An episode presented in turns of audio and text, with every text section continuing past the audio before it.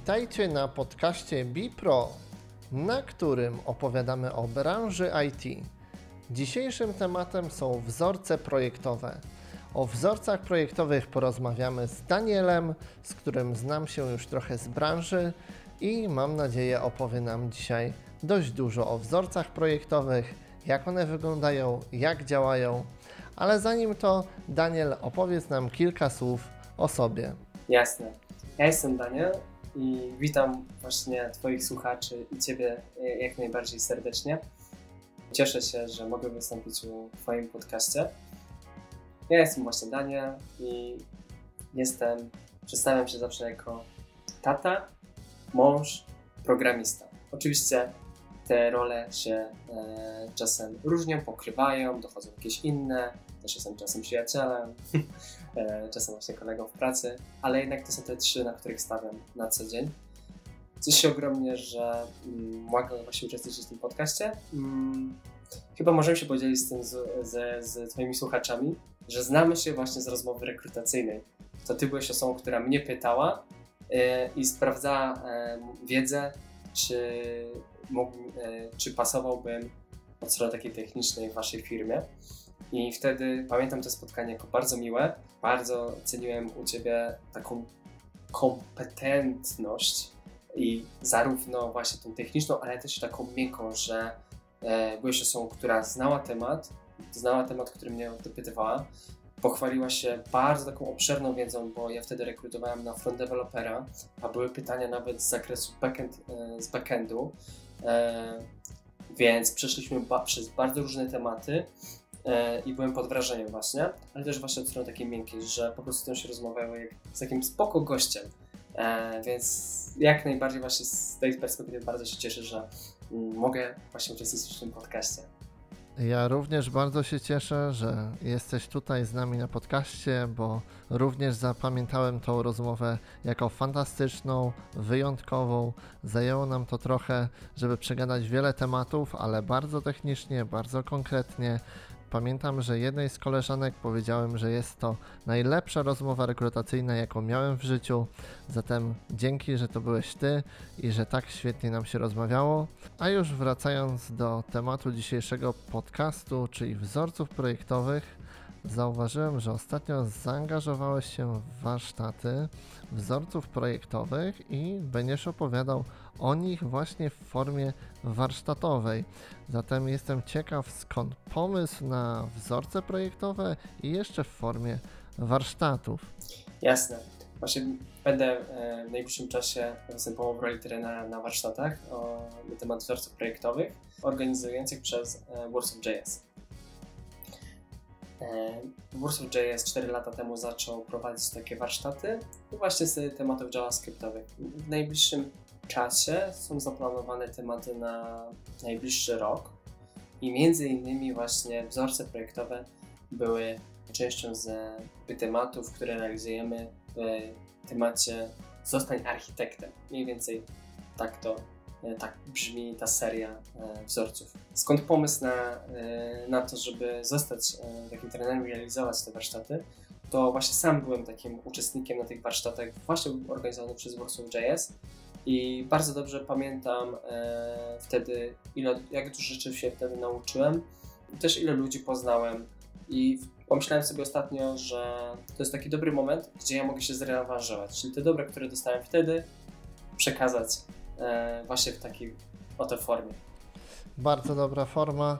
Zgadzam się, że to świetny E, sposób przekazywania wiedzy. Również niedługo prowadzę warsztaty, e, konkretnie też wzorców projektowych, także e, cieszę się, że dzisiaj o tym rozmawiamy, ale tak na dobry początek może weźmy pod uwagę, że na Bipro słuchacze to często osoby, które dopiero poznają branżę IT, które chcą zostać programistami i dla takich osób potrzebujemy wprowadzenia, czym są w ogóle wzorce projektowe, więc jestem ciekaw, jaka jest Twoja definicja i jak byś to wytłumaczył dla osoby, która zupełnie nie ma o tym e, pojęcia. Jasne.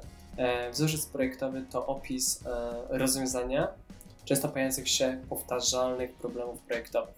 Mam na myśli, że pokazuje powiązania i zależności pomiędzy klasami oraz obiektami i ułatwia tworzenie modyfikacji oraz utrzymanie kodu źródłowego. Co przez to wszystko mam na myśli? Że wzorce projektowe pokazują nam, jak mniej więcej rozwiązać popularne e, problemy, które spotykamy w projektach, ale nie daje nam konkretnych wskazówek, takich krok po kroku, jak ten wzorzec zaimplementować.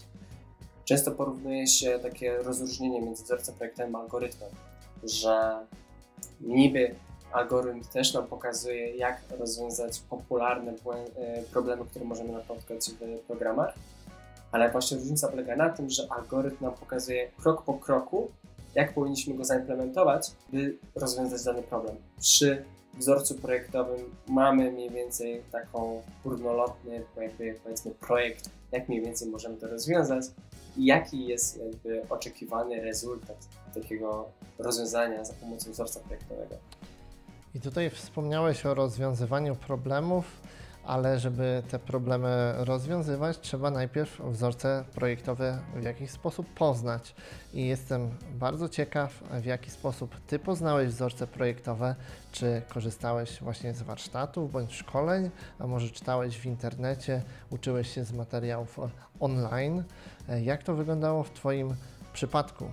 Ogólnie to wciąż się uczę e, wzorców projektowych to jest e, taki temat, mm, do którego często wracam, ponieważ mm, doświadczenie, które zdobywam w kolejnych po prostu projektach e, z czasem e, sprawia, że gdy wracam do danego wzorca, to odkrywam czegoś nowego. Ale pamiętam, że zacząłem się uczyć wzorców projektowych dość wcześnie, już jak mniej więcej rozumiałem język i w ogóle do, o, o co chodzi w tym programowaniu, sięgałem do książki Adiego Osmaniego, gdzie był taki właśnie tam e, rozdział o wzorcach projektowych i próbowałem, próbowałem rozkminić, o co tam wszystkim e, chodzi, jaki problem rozwiązuje, w jaki sposób zrozumieć te relacje między tymi obiektami. I to sprawiało, że też jednocześnie zacząłem rozumieć coraz bardziej ten język e, JavaScript i jakby jego użyteczność w takich problemach, które często spotykałem później w pracy. Jakbym miał polecić, jak się uczyć wzorców projektowych, to pewnie e, zachęcałbym do e, sięgania do, do tej książki, ale też są dość dużo takich materiałów w necie dostępnych o wzorcach, o tych e, najpopularniejszych właśnie w tym języku, którego używamy na co dzień, można znaleźć. Ja praktykuję w taki sposób nauki, że wyznaczam sobie jakiś cel, na przykład chcę zrealizować listę to do, no i powiedzmy, że chcę zrealizować tą listę to właśnie z wybranym wzorcem, no bo chcę się nauczyć właśnie powiedzmy z wzorca obserw obserwator. I, I wtedy y, realizuję mm, ten cel na tyle, ile potrafię, jeszcze nie sięgając do wiedzy, do teorii i próbuję znaleźć ten moment takiej ściany, że nie, no już dalej nie mogę. Albo zrealizowałem, nawet zrealizowałem może ten wzorzec, ale nie do końca nie wiem, czy poprawnie, czy, czy nie można byłoby lepiej zrobić tego lepiej. Więc wtedy sięgam do teorii, czytam o, o wzorcach, yy, patrzę jak to inni zrobili, może ktoś zrobił to do też na, na podstawie tego wzorca, wykorzystując tego wzorzec obserwator i wtedy zdobywam wiedzę. Próbuję później po takiej sesji teoretycznej wrócić do mojego projektu i go zrefaktoryzować, poprawić, żeby od razu tą wiedzę, którą zdobyłem, wpleść właśnie w projekt. Wspomniałeś wzorzec Observable i Tutaj kolejne pytanie jest niejako z tym związane, bo zastanawiam się, jakich wzorców projektowych najczęściej używasz. Na pewno jest to ciekawe dla e, początkujących osób, które się uczą, jaki wzorzec projektowy jest najlepszy na start, z czego ty korzystasz i co, jak przekłada się ta nauka na e, rzeczywiście realia, czego używasz najczęściej. Pytasz, jakie wzorce często można spotkać i jakie się y, najczęściej wykorzystuje. Wydaje mi się, że możemy spotkać różne grupy takich wzorców w projektach. Część z nich już na przykład jest zaimplementowana w samym języku. Na przykład mówię o iteratorze czy proxy w środowisku JavaScript, ale też mamy grupę wzorców, które są na przykład już zaimplementowane w bibliotekach, które wykorzystujemy. Na przykład React, Angular, czy na przykład biblioteki, które implementują architekturę Redux możemy zauważyć, że tam właśnie te biblioteki, na przykład nawet i jQuery, właśnie wykorzystują już jakieś wzorce projektowe, które są znane od lat. I na co dzień e, możemy już wykorzystywać te wzorce w ogóle nie będąc tego świadomi. E, na przykład jQuery można powiedzieć, że jest taką po prostu trochę spłycając trochę tą bibliotekę, powiedzmy taką fasadą do manipulacji, do obsługi elementów domu, tak? że daje nam taki łatwiejszy interfejs, który możemy manipulować tym domem. Ale jeśli już naprawdę, ale gdy ja, jak ja sięgam do, do wzorców, to, to sięgam przeważnie do takich wzorców jak strategia, faktory, state, obserwator raczej właśnie z wykorzystaniem jakichś już gotowych bibliotek, gdzie jest oparte na, na tym wzorcu, ale te wcześniejsze, które wymieniłem tak, myślę, że są bardzo łatwe dla na pewno dla początkujących do, do zapoznania i więc na przykład e, je już wykorzystujemy e, w miejscach, gdzie na przykład chcemy wyświetlić e, dany komponent bądź grupę komponentów albo troszeczkę innym po prostu ułożeniu, odpowiednio od stanu, który aplikacja na przykład przyjmuje. Taki stan to może być na przykład wyświetl error, wyświetl widok inicjalny, wyświetl na przykład tak posortowaną listę albo tak posortowaną listę. Oczywiście to już może być kwestia implementacji, w jaki sposób e, sortujemy, ale chcę, chcę przez, przez, te przykłady powiedzieć, że jakby ten stan state często nam pomaga, by wyświetlić e, jakiś, jakiś widok odpowiednio od stanu, jaki aplikacja przyjmuje. Faktory na przykład jest bardzo prostą no jakby wzorcem, który pozwala nam na podstawie powiedzmy jakichś opisanych z góry właściwości czy metod danego e, obiektu, który chcemy utworzyć, z, zrobić ich jakby ich serię e, też. Oczywiście każdy z tych obiektów może przyjmować mniej więcej trochę in, inne pola, inaczej implementować dane metody, ale mamy jakąś grupę po prostu pól i metod, który ten obiekt ma, ma być zwracany przez taką fabrykę. Natomiast strategia jest to taki wzorzec, który e, wykorzystuję, gdy właśnie powiedzmy chcę e, wykonać daną metodę na obiekcie, ale czasem kolekcja tych obiektów się po prostu różni od siebie. Takim przykładem może być na przykład metoda play. Możemy odtworzyć na przykład audio, ale też możemy odtworzyć wideo. Więc tutaj na przykład takim dobrym przykładem może być użycie strategii. Właśnie, wspomniałeś e, wzorzec, tu strategia, fabryka i jest on związany z kolejną abstrakcją, czyli można powiedzieć wydzieleniem takiego modułu części aplikacji, która jest odpowiedzialna za tworzenie obiektów. I ten wzorzec projektowy jest e, dość enigmatyczny dla początkujących programistów, bo przecież poznają takie metody jak new i nazwa klasy, albo po prostu tworzą w JavaScriptie obiekty za pomocą klamerek, a tutaj mamy oddelegowany osobny obiekt do tworzenia obiektów dalej, czy całych um, klas, w zasadzie um, obiekt, którym, którego zadaniem jest tylko tworzenie. I po co taka abstrakcja? Dlaczego? Wiele osób się zastanawia.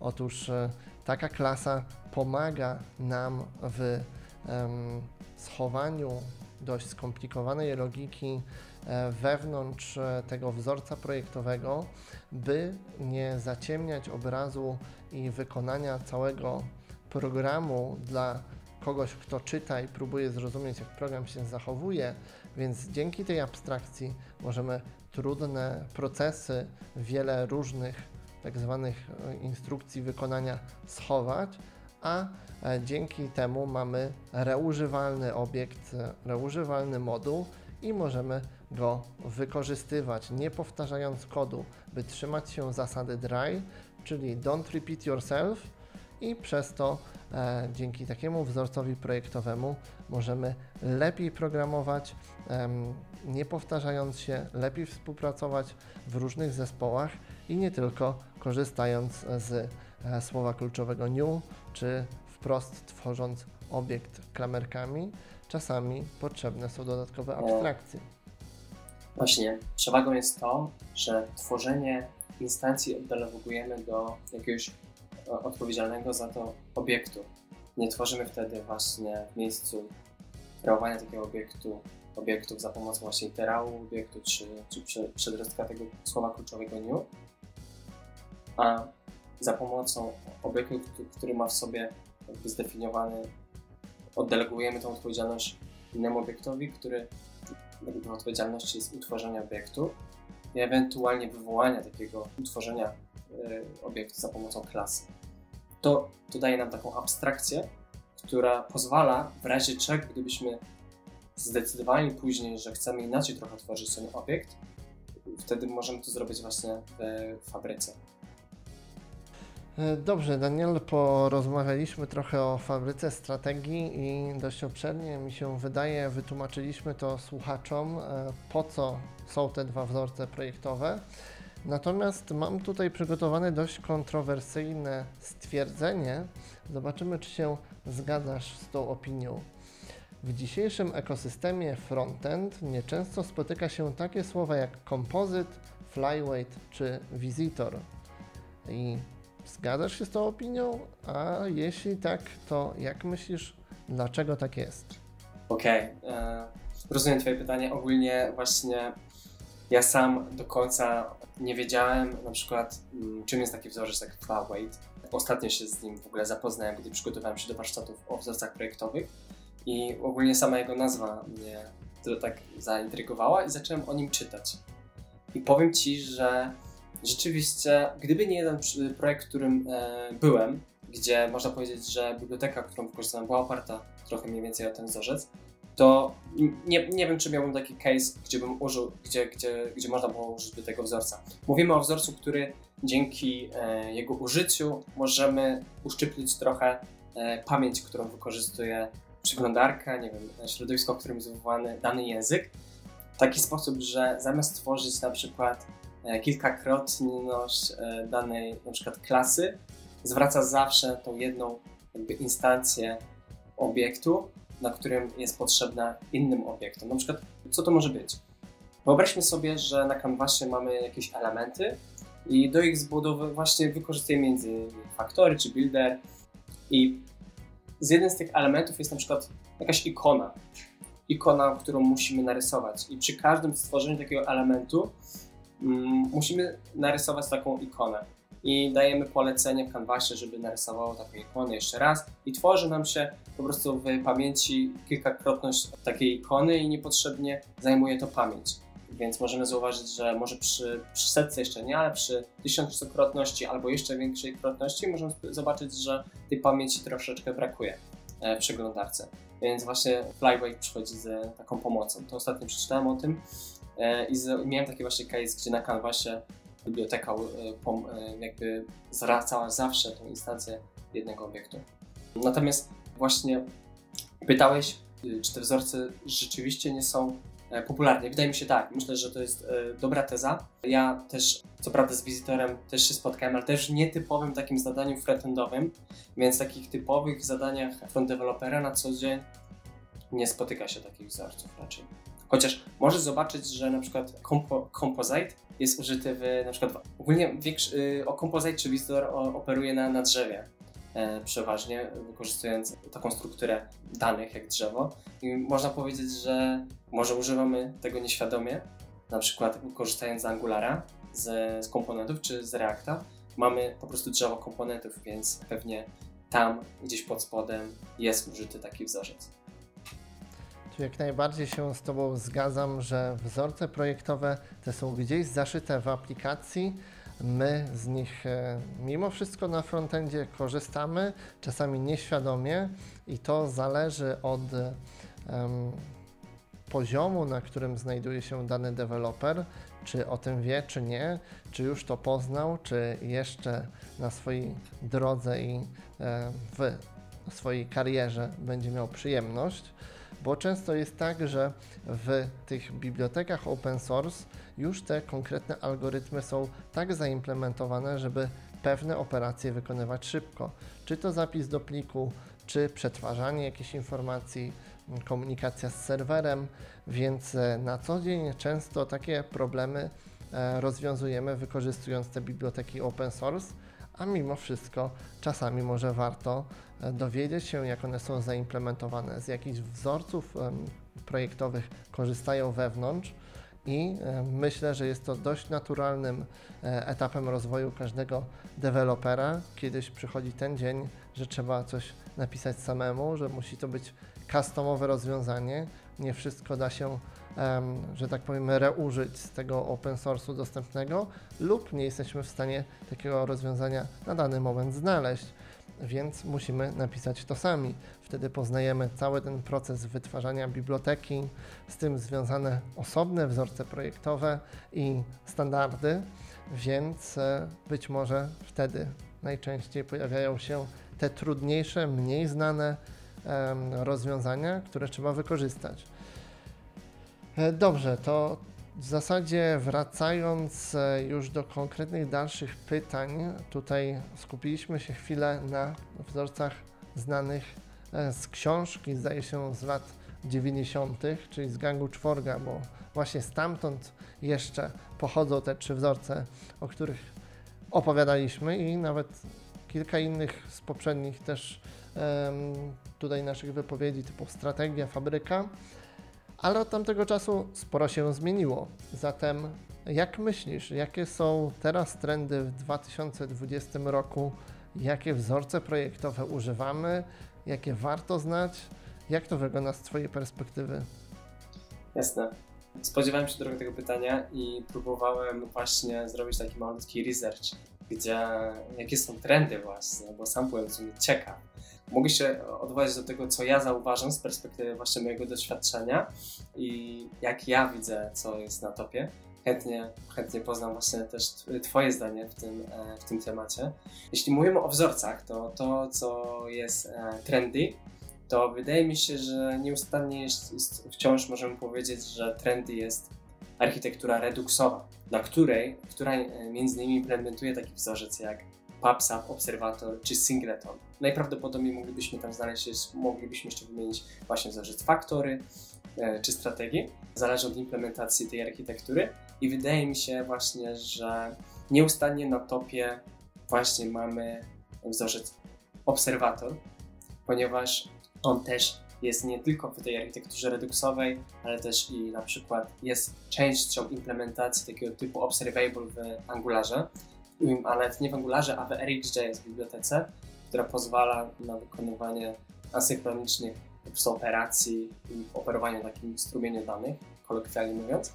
Więc tak, obserwator. Też myślę, że na topie jest dalej taki wzorzec jak Chain, chociaż pewnie już mm, troszeczkę wygasa, ponieważ przyzwyczajamy się do możliwości chainowania pod sobą takich, takich funkcji jak map, reduce, filter, to właśnie o tym mam na myśli, że we wprowadzeniem ECMAScripta 6 bodajże, e, czy 5, już e, pamiętam. Właśnie e, starczył nam e, ten, e, ta wersja, takie właśnie operatory na, na typie listy, jak właśnie map, reduce, filter i wiele więcej jak są, jeszcze można by pewnie wymieniać. I właśnie to jest oparte na wzorcu chain, czyli że dana funkcja na obiekcie zwraca nam ten obiekt, więc możemy dzięki temu wykonać funkcję tego obiektu dalej i tak chainować między sobą te, te funkcje. Ja, ja tak to widzę. Myślę, że mamy dość podobne zdanie na temat trendów e, w 2020 roku. Również się zgadzam, że część tych starych e, wzorców projektowych nadal żyje, nadal jest e, wykorzystywane i wydaje mi się, że e, z tym chainem wywołań masz dużo racji, bo jest to dość podstawowy mechanizm, który jest niejako częścią dalej ko konkretnych wzorców projektowych. Z tym się wiążą wzorce projektowe w programowaniu funkcyjnym.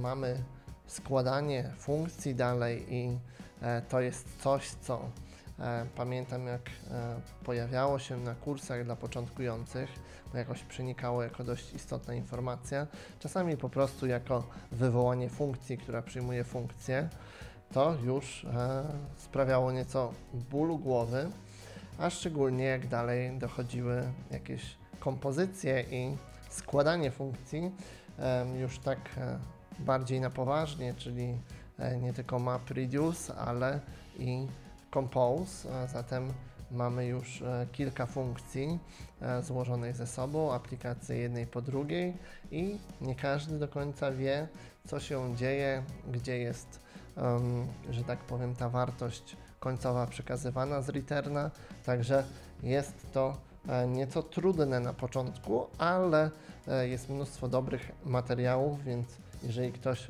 teraz właśnie się tego uczy, spokojnie, wystarczy trochę czasu, by pojąć tę wiedzę, także tutaj dużo, dużo praktyki polecam. A wracając już do naszych e, tutaj trudnych takich e, pytań do Daniela, mam kolejne a konkretnie o błędy początkujących programistów. Bo tutaj mówiliśmy trochę o początkujących, um, uczących się programistach, a spójrzmy na to z perspektywy programistów juniorów, czyli tych, którzy trafiają do dużego projektu, są e, w tym projekcie wystawieni na architekturę, którą przygotowali midiorzy i seniorzy i teraz ich zadaniem jest odnaleźć się w tym projekcie, wykorzystywać dalej wprowadzone wzorce projektowe i oczywiście rozwój aplikacji, rozszerzanie o kolejne funkcjonalności. I jakie są błędy czy problemy tych początkujących programistów, jakich wzorców uczą się latami. Opowiedz nam, jak to wygląda z Twojej perspektywy. Wydaje mi się, że ogólnie początkujące osoby w ogóle trafiają do w ogóle aplikacji, gdzie jest ona bardzo kompleksowa i ma skomplikowaną architekturę, to pamiętam siebie.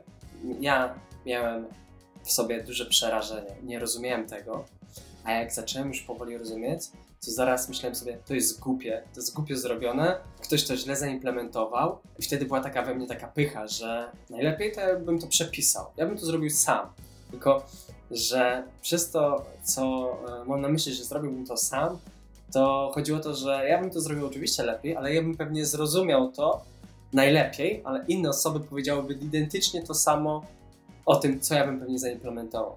Więc pamiętam, że na początku miałem, taka we mnie było takie stanowisko, że nie, to jest źle zrobione, oni tego nie rozumieją. A tak naprawdę z czasem myślę, że to rucho było inaczej. Pewnie, możliwe, że w pewnym momentach było rzeczywiście, że ta architektura była źle zaimplementowana. No trudno mi teraz powiedzieć z perspektywy czasu. E, musiałbym prześledzić ten kod.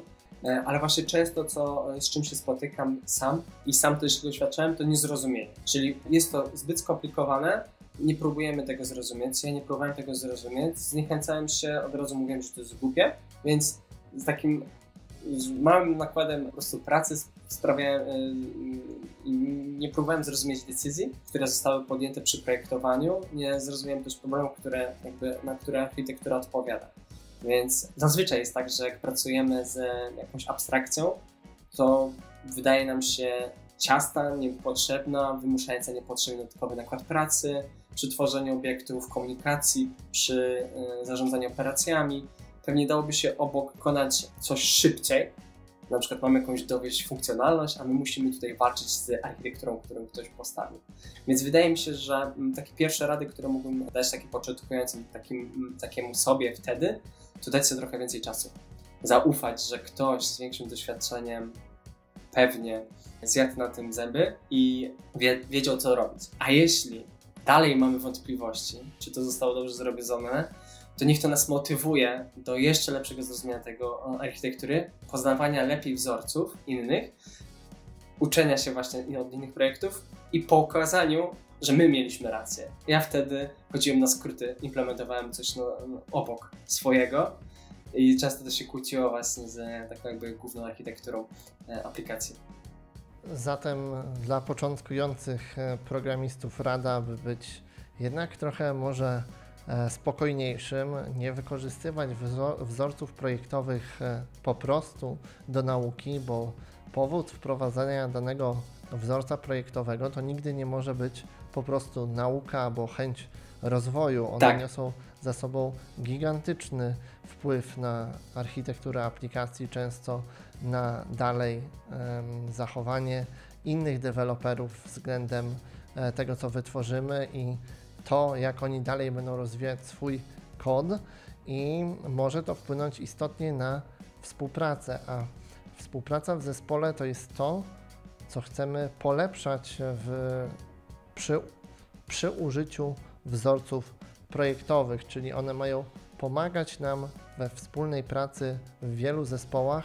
Przynajmniej taka jest e, moja perspektywa, że e, wzorce projektowe warto używać wtedy, kiedy Przede wszystkim rozrasta się zespół i e, potrzebujemy metod, by uwspólniać pewne części, by oddzielać od siebie niektóre funkcjonalności, by udostępniać innym deweloperom możliwość z nich korzystania, ich e, reużywania, więc tutaj e, także poza samą wydajnością systemów, poza e, łatwością z nich korzystania jest ta współpraca deweloperska i szybkość dostarczania funkcjonalności.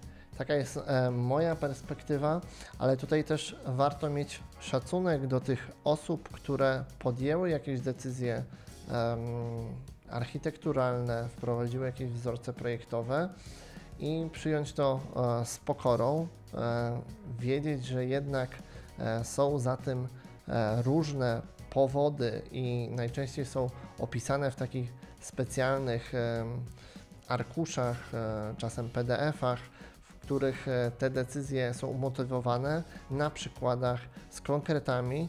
Zatem często można wrócić wstecz e, i przeczytać, dlaczego podjęte zostały konkretne kroki, czy wprowadzone odpowiednie wzorce projektowe, bo w danym czasie były różne e, ograniczenia software'owe, być może wymagała tego logika biznesowa, czyli domena trochę, więc e, tutaj może być e, gigantycznie duże spektrum powodów i trzeba mieć e, na to uwagę, że będąc krótko w projekcie, będąc może mało doświadczonym też w programowaniu, możemy nie zdawać sobie sprawy z pełnego kontekstu.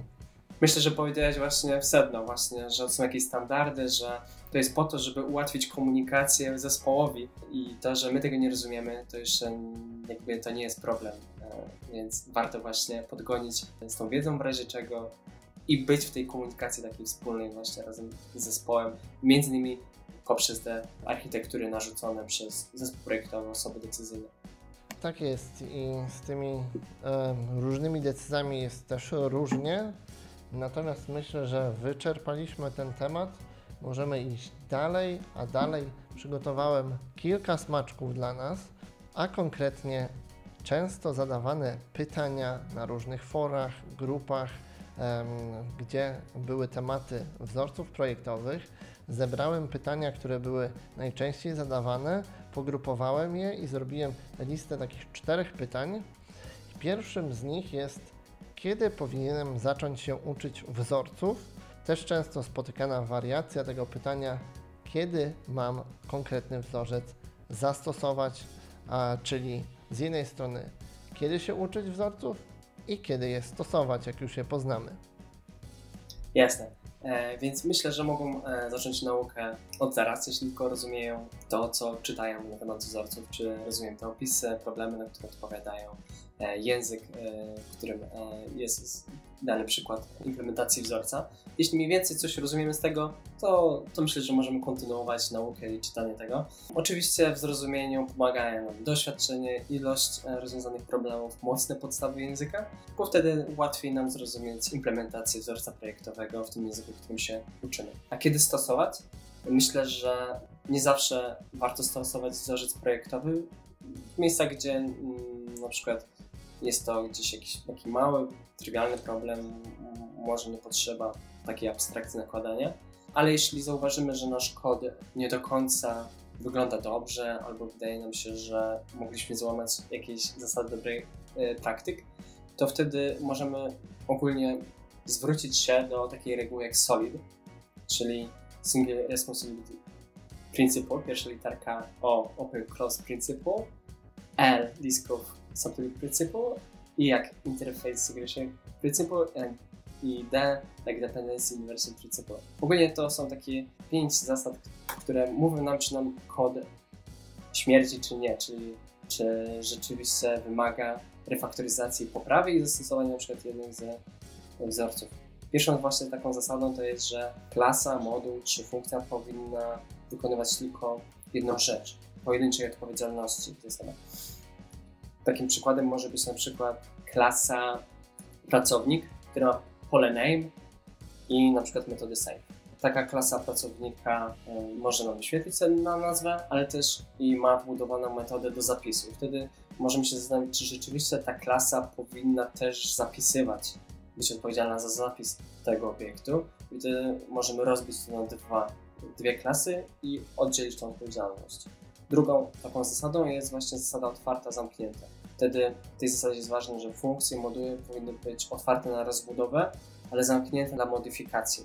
Co na myśli, że przykład jakiś blok kodu, który pozwala na wybranie sposobu renderowania części widoku i wykonuje to renderowanie. Wtedy taki blok nie jest zamknięty na modyfikację, ponieważ gdyby doszedł jakikolwiek inny sposób renderowania aplikacji, to musielibyśmy wprowadzić do tego bloku dodatkowy sposób. Na przykład mamy listę plików, e, możemy taką listę wyrenderować na różne sposoby. Znamy takie układy. Duże kafelki, małe kafelki, lista, lista szczegółowa. Wyobraźmy sobie, że w tym bloku kodu sobie wybieramy, jaki sposób renderujemy. No i renderujemy w tym bloku kodu, czyli nagle i wyobraźmy sobie, że właśnie chcemy dodać nowy sposób renderowania. Wtedy musimy zmodyfikować ten e, blok kodu, czyli na przykład funkcję, która jest odpowiedzialna za to, dodać ten sposób nowy renderowania i wyrenderować. I wtedy właśnie to łamie tą zasadę. I wtedy takim dobrym e, spo, sposobem na rozwiązanie jest na przykład strategia. Kolejnym właśnie zasadą to jest zasada podstawiania listków. To w ogóle jest taka zasada, którą mi bardzo długo w ogóle zajęło, pamiętam na początku, zrozumienie jej. Czytałem ją wielokrotnie. E, nie, nie, do końca czaiłem o co w tym chodzi, ale to pamiętam wtedy, jak czytałem o tym, to ja w ogóle nie wiedziałem, czym do końca jest dziedziczenie. Nie do końca czaiłem, na czym to polega i naturalne było to, że ja nie wiedziałem, nie potrafiłem zrozumieć tej zasady, bo już tłumaczę na, na, na czym ona polega. Ona ogólnie polega na tym, że korzystanie z funkcji klasy bazowej musi być możliwe również w przypadku postawienia instancji klas pochodnych. Wiem, brzmi to abstrakcyjnie. Mm, inaczej, czyli nie powinieneś zauważyć różnicy, gdy używasz podtypu i typu bazowego. Wiem to dalej dość abstrakcyjnie. Czym jest ten bazowy podtyp? Typ bazowy, powiedzmy funkcja, po której, e, przepraszam, klasa, po której e, klasa inna dziedziczy i wtedy ta klasa, która dziedziczy od tego typu bazowym staje się podtypem.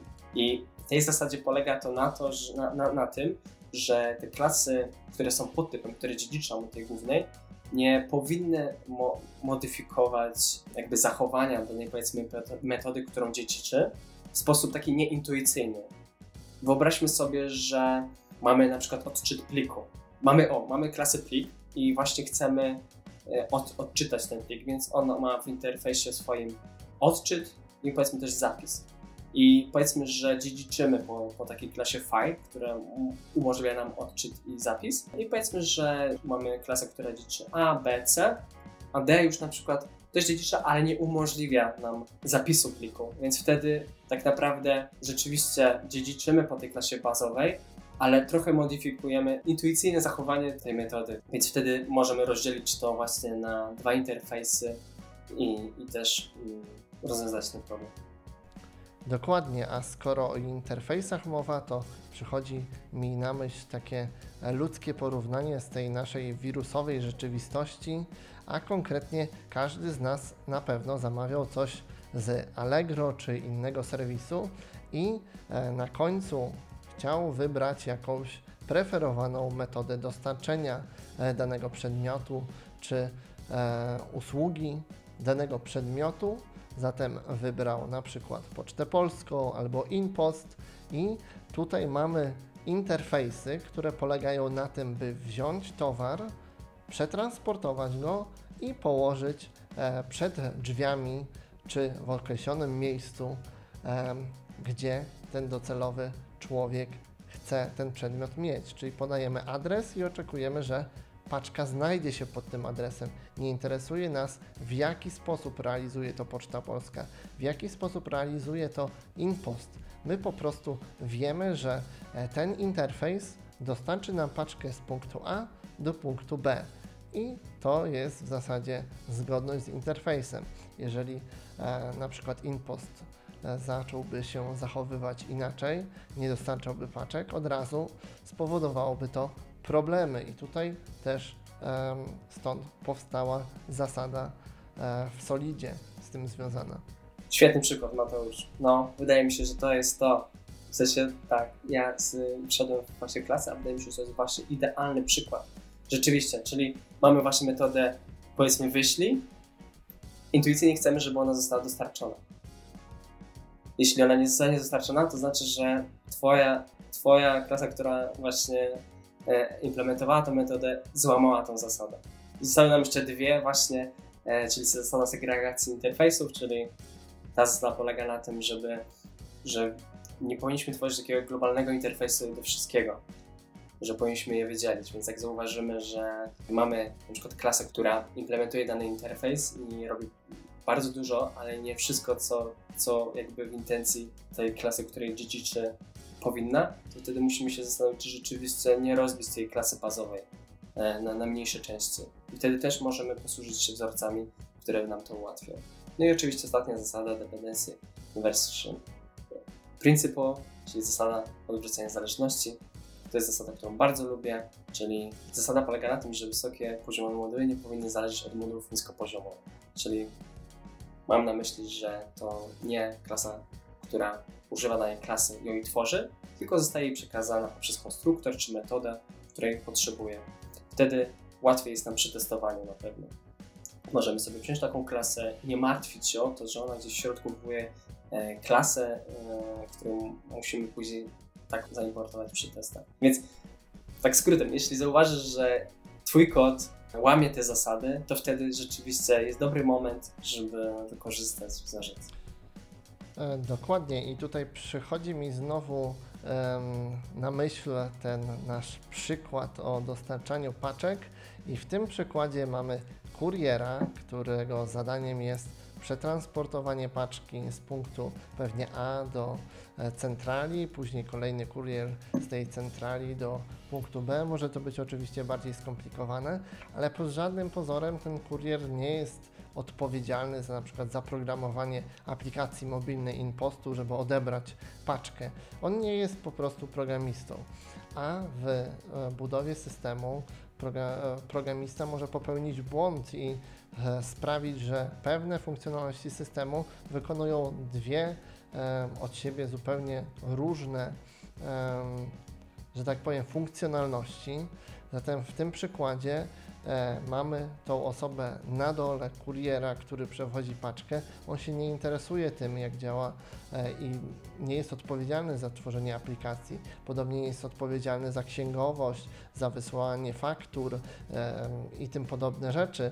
Zatem musimy pilnować tego, że skoro umiemy to zorganizować jako ludzie, umiemy takie robić e, struktury, Podobnie programista musi się tego nauczyć, żeby tak odpowiednio strukturyzować swój kod. Zatem te na dole funkcjonalności, tak jak powiedziałeś, nie będą wykonywały zadań tych struktur wyżej. Jeszcze idąc e, nieco dalej, trochę nawiązując do pierwszej części rozmowy na tym podcaście, pamiętajmy, że wzorce projektowe przede wszystkim mają usprawniać nam um, komunikację z innymi deweloperami, e, mają ułatwiać nam pracę z kodem, e, więc e, wydajność to przede wszystkim algorytmy, ale jeszcze połączenie tego wszystkiego, na to dodatkowo wchodzą wzorce projektowe, tak żeby łatwo było się w tym odnaleźć każdemu deweloperowi, niezależnie od poziomu, i żeby ta komunikacja była płynna i skuteczna. Zatem, jak mamy kilka zespołów, to e, korzystamy z takich e, narzędzi, które są e, każdemu z deweloperów znane, czyli nie wymyślamy nowych modułów, które mają własne API i które, których to tych API musimy nauczyć się, jakie mają metody, tylko korzystamy z wzorców projektowych, które są znane każdemu programiście i e, dzięki temu ta komunikacja i zrozumienie jest łatwe. Każdy z deweloperów, widząc te poszczególne rozwiązania, wie, co mieliśmy na myśli i co jest realizowane przez dany fragment kodu. Więc tu z jednej strony single responsibility, ale też taka wiedza profesjonalna programisty jest ważna. Jasne. Wydaje mi się, że właśnie jednym z takich ważniejszych to jest to, co właśnie wymieniłeś, Czyli właśnie to, że usprawniają trochę komunikację. Tak to zrozumiałem właśnie, że usprawniają komunikację między projektami, że dodają taką trochę abstrakcji, która sprawia, że możemy już nie mówić o szczegółach implementacji danego obiektu, tylko rzucamy takimi słowami faktor, builder, tutaj obserwator, strategia, może inne, adapter, może bridge właśnie, czyli rzucamy takimi słowami i wtedy komunikacja jest taka bardziej sprawniejsza i mamy mniej więcej ten sam mindset, jak dyskutujemy o architekturze, czy o kolejnych krokach, w których powinien iść projekt. Ale wydaje mi się, że właśnie to, co jeszcze może e, wzorce mogą usprawnić, to przy refaktoryzacji. Że jeśli wchodzimy do projektu, który zadaniem jest już nam narzuconym, że mamy to refaktoryzować, poprawić, albo sami w trakcie rozwijania danego projektu zauważymy, że to nie do końca działa, bo już mamy taką wiedzę, że jesteśmy w stanie obiektywnie powiedzieć, że to nie jest do końca dobrze zrobione, że właśnie łamie te zasady, o, które wcześniej, o których wcześniej omówiliśmy, to wtedy można po, jakby poprowadzić taki proces refaktoryzacji i on nie musi się kończyć wtedy jakby jednym pull requestie. To nie musi być taki duży zbior czy PR, który nam przepisuje całą aplikację. Możemy zastosować taki wzorzec jak fasada na przykład, żeby wydzielić na przykład część powiedzmy tego złego kodu gdzieś obok i pracować już powiedzmy na kodzie, który mniej więcej działa i spełnia te, te zasady, o których wspominaliśmy. Więc myślę, że refactoring to jest taki dobry moment, gdzie, miejsce, gdzie, gdzie się wzorce przydają. Czy coś jeszcze? I otóż to, to co wspomniałeś, refactoring, z tym pomagają wzorce projektowe. Dobrze zastosowane wzorce projektowe uratują nas niejednokrotnie. Tak jak TypeScript nam zapewnia typy i pewność e, co do zgodności typów, tak wzorce projektowe pozwalają nam, pozwalają nam organizować nasz kod, by lepiej go refaktorować, by łatwiej go refaktorować, by podejmować kilka kroków w bezpieczny sposób, w zrozumiały dla każdego, kto później sprawdza to na etapie code review. I tutaj e, łączy się to ciekawie z kolejnym pytaniem, jakie wybrałem z tego forum, często e, zadawanym, i odwrócimy nieco sytuację. Tym razem będziemy musieli zastosować wzorce projektowe w projekcie, w którym tych wzorców projektowych nie ma. Czyli musimy dokonać swoistego refaktoru, przepisania być może funkcjonalności, by wprowadzić nowe wzorce projektowe, by zawrzeć część logiki w e, nowych rozwiązaniach. I tutaj mamy sytuację odwrotną, czyli musimy wykonać ten refaktor, by wprowadzić nowe, lepsze rozwiązania. I tutaj z mojego doświadczenia to jest e, dość trudne i zależne od etapu projektu. Natomiast jestem ciekaw, jakie Ty zauważasz e, z tym wyzwania i jakie dałbyś rady dla osób, które chciałyby wprowadzić te wzorce projektowe w swoim projekcie. Wszystko zależy właśnie od potrzeby. Musimy się zastanowić, czy hmm, to jest nasze życzenie z perspektywy takiego dewelopera, że my chcemy, żeby to ładnie po prostu wyglądało, czy rzeczywiście biznesowe tak mi się wydaje, że często możemy się spotkać z tym, że my nie zgadzamy się na to, jak to wygląda, ale na przykład biznes na to pozwala, ponieważ oni nie mają na to, powiedzmy, budżetu, żeby na tym się zajmować.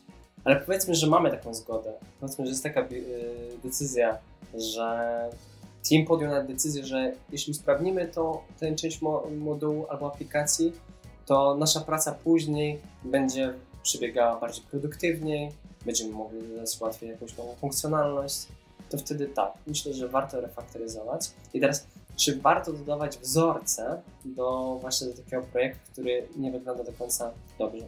To też właśnie pytanie, czy właśnie tam chcemy dalej coś rozwijać, jakąś funkcjonalność, czy chcemy to zostawić, bo wtedy możemy na przykład właśnie wcześniej wspomnianą fasadą przykryć taki część kodu, którego nie będziemy już nigdy dotykać i za pomocą tego wzorca wystawić odpowiednie metody, które będą komunikować się z tym złym kodem, a tą lepszą implementację zostawić właśnie po stronie właśnie tam, gdzie chcemy już dobrze po prostu pisać e, ten, i tworzyć nasz kod. Myślę, że warto, ale właśnie zastanowić się, czy to rzeczywiście długofalowo nam się przyda, bo dla samej implementacji myślę, że nie. Myślę, że że, że, że lepiej tego nie ruszać, bo jeszcze możemy coś popsuć. Otóż to, ja się bardzo z tym zgadzam i tutaj moja perspektywa jest e, jeszcze nawet szersza, bo e, trzeba zauważyć, na jakiej fazie jest e, dany produkt, więc tutaj ja lubię wyróżniać cztery takie etapy, czyli prototyp, w zasadzie najczęściej jakaś makieta, design klikalna, później jest MVP, czyli minimum funkcjonalności, które e, możemy stworzyć, by nazwać to rzeczywiście działającą aplikacją, która spełnia swoje potrzeby. I dalej, gdy mamy taką aplikację, e, walidujemy ją z klientami, pytamy ich, jak się sprawdza, e, jakie funkcjonalności chcieliby zobaczyć w tej aplikacji jeszcze, czego jeszcze potrzebują. I wtedy wkracza specjalna taka faza developmentu Product Market Fit. My dostosowujemy nasze MVP do um, potrzeb klienta. I następnie, gdy już spełniliśmy te potrzeby, możemy się skalować. Coraz więcej klientów przychodzi, jest zadowolonych, poleca nas i dość szybko aplikacja się rozwija. Zatem wchodzimy w fazę scalingu i tutaj mamy już naprawdę bardzo, bardzo dużo użytkowników. Zatem tutaj patrząc e, na taki e, schemat przy MVP, myślę, że e, dość rozsądnym rozwiązaniem byłoby przepisywanie, poprawianie go bo często MVP jest tworzone dość szybko z pewnymi jakimiś skrótami technologicznymi, by dowieść funkcjonalność bardzo, bardzo szybko, w krótkim okresie czasu. Nawet istnieje takie pojęcie specjalistyczne, że MVP można po prostu usunąć, skasować, czyli piszemy aplikację od zera jeszcze raz, tylko wiedząc, że mamy budżet, że mamy stałych klientów i dzięki temu jesteśmy szybko w stanie to przepisać, tak by było um, łatwe i szybko rozwijalne i spełniało e, dodatkowe też potrzeby naszych klientów.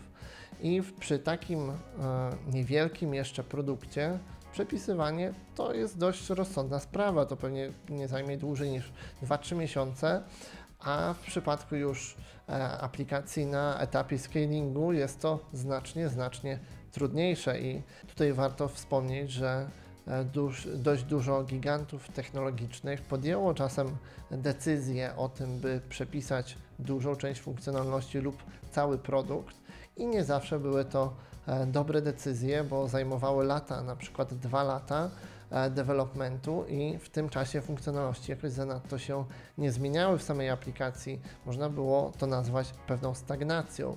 Zatem ucierpieli na tym użytkownicy, którzy potrzebowali nowych funkcjonalności, integracji z tym, co pojawia się na rynku, by dostosowywać się do zmieniających się potrzeb w tej digitalizacji, w tych usługach online.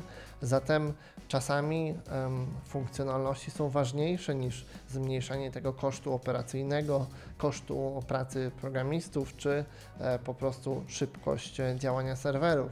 Nie zawsze jest to kluczowym um, współczynnikiem, na który warto patrzeć. I myślę, że to będzie tyle, taka przydługa odpowiedź na to pytanie. Myślę, że wyczerpaliśmy temat i możemy spokojnie przejść do już ostatniego pytania, e, które sobie zapisałem na dzisiaj, a konkretnie czy możesz podać przykłady pytań rekrutacyjnych o wzorce projektowe i oczekiwaną modelową odpowiedź?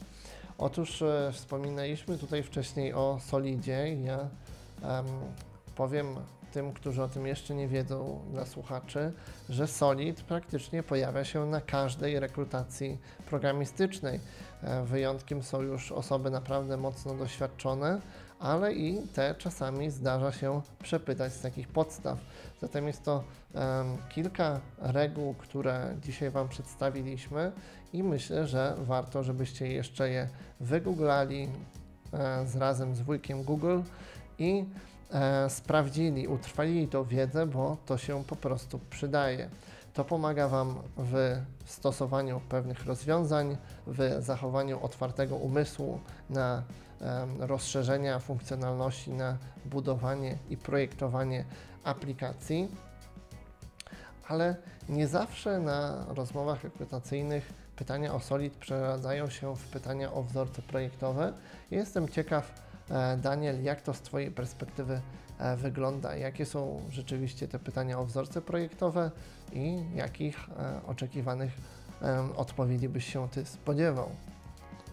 Myślę, że jak ktoś wchodzi na obszar wzorców projektowych, to na rozgrzewkę często spotka się takie pytanie, a jakie znasz wzorce projektowe? I wtedy lecisz. Znasz to, znasz to, znasz tamto. Powiesz może nawet to flyweight. I wtedy często właśnie jak e, osoba, która cię pyta, znajdzie jakiś smacz, taki smaczek, że taki mało popularny wzorzec, albo powiedzmy, że nawet popularny, ale trudny, to cię o niego zapyta. Czyli pewnie spotkałbym się z pytaniem później, ok, powiedziesz o flyweight, to co to jest za wzorzec? Czy możesz o nim opowiedzieć? Wtedy właśnie oczekiwana odpowiedź jest to, żeby powiedzieć właśnie, co to jest za wzorzec, na jaki problem odpowiada, kiedy go użyć, no i są jak, jak, kiedy, jakie są symptomy, które sprawiają, że ten wzorzec rzeczywiście się przyda. Myślę. Otóż e, dokładnie tak jak powiedziałeś, i czasami dobrą strategią jest opowiadanie o tym, co rzeczywiście dobrze znamy, czyli jeżeli dzisiaj na podcaście usłyszeliście o wzorcach projektowych, o konkretnych ich e, zastosowaniach, to może nie najlepszym pomysłem będzie chwalenie się tym jutro na potencjalnej rozmowie rekrutacyjnej. Lepiej utrwalić sobie tą wiedzę, a na pytanie, które często pojawia się na początku rozmowy rekrutacyjnej, czyli opowiedz o swoim ostatnim projekcie, o rozwiązaniach technologicznych, które wykorzystywaliście w tym mhm. projekcie, może warto wtedy skupić się na opowiedzeniu dokładnie tych elementów, z których jesteśmy pewni od swoich odpowiedzi, które znamy bardzo dobrze i e, którymi możemy się po prostu chwalić i nie mamy z tym problemu. No dobrze, a wracając do pierwotnego pytania, jakie jeszcze pytania rekrutacyjne spotkałeś w swojej karierze o konkretnie wzorce projektowe? E, jeszcze się spotkałem z takim e, pytaniem, czym się różni wzorzec A od B? I takim standardowym pytaniem, czym się na przykład różni wzorzec fabryki od strategii, ponieważ one mniej więcej w implementacji wyglądają podobnie, ale zachowują się trochę jakby inaczej. Mamy wzorzec tutaj kreacyjny, czyli faktor, faktory, tworzy nam obiekt, a strategia jest właśnie z grupy wzorców operacyjnych, czyli spodziewamy się, że ten wzorzec pozwoli nam wykonać daną operację. I tutaj mniej więcej implementacja wygląda bardzo podobnie, ale wynik takiego działania jest mm, różniący się od siebie, więc wtedy możemy spotkać się z takim pytaniem, ale wydaje mi się, że już jest jakby już trudność na samym opisie wzorca, a już jak ktoś mi to różnicę, to znaczy, że może być siebie dumni, ponieważ widzi ta osoba po nas, że znamy ten temat i chce jeszcze dopytać o te bardziej mm, większe różnice. Wtedy mamy się jeszcze bardziej okazję jakby pochwalić tą naszą znajomością wzorca. Ok, Daniel, to było już ostatnie pytanie, także dziękuję Ci bardzo za to, że zgodziłeś się wystąpić w e, podcaście Bipro i e, że przyjąłeś zaproszenie. Bardzo e, dobrze mi się z Tobą rozmawiało i dziękuję, że byłeś tutaj i opowiadałeś naszym słuchaczom o wzorcach projektowych. Tak, dzięki, dzięki Tobie Mateusz. Cieszę się też, że mogłem wziąć udział w tym podcaście. To była bardzo miła rozmowa. Co więcej, pozdrawiam Twoich słuchaczy i może jeszcze do usłyszenia.